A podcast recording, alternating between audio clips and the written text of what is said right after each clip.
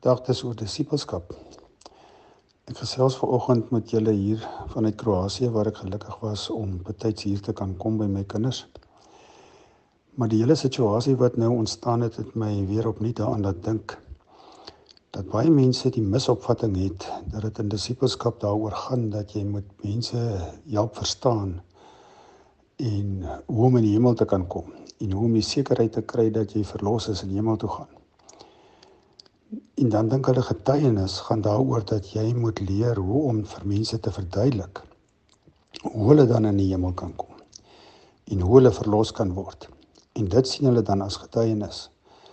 Ek dink dis 'n baie groot misopvatting oor die lewe van 'n disipel.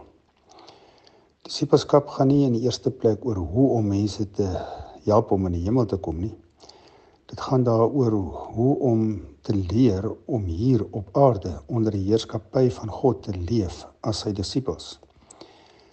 En dis nie iets wat so eenvoudig of maklik is om altyd onder sy heerskappy te leef nie. Juis in omstandighede soos hierdie wanneer dit voel asof die mat onder jou uitgeruk word en alles weer in mekaar tuimel, is die vraag onder wie se heerskappy staan jy? Tree jy nou maar net so op soos almal rondom jou? As jy net so ongedurig, raas jy net so baie, beskuldig jy net so baie?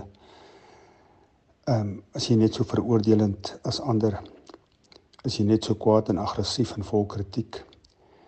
Dan beteken dit jy's onder heerskappy van jou eie ego. Die ego vra gerief en gemak, my wil dinge uitwerk soos ek wil. Getuienis gaan juis daaroor dat 'n disipel leer om in enige omstandighede eerder te vra hoe tree ek nou op as verteenwoordiger van God? Hoe kan ek nou sy liefde en sy waarheid uitleef ten spyte daarvan dat dit nie maklik is nie? Hoe kan ek nou iets van sy goedheid en liefde ook verteenwoordig en in die wêreld indra waar baie mense onkant gevang word en seergemaak word?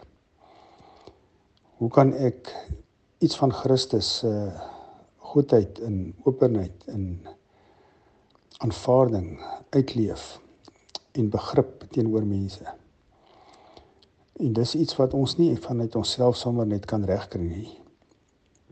Dit is iets waarvoor ons maar altyd weer maar net moet vra, Here, wees my genadig. Ek kan nie en oorgee aan sy heerskappy sodat hy in en deur jou kan leef en praat en heers en dat die gees daardie sagtheid en sagmoedigheid en openheid bring wat jy nie van self in jouself het nie.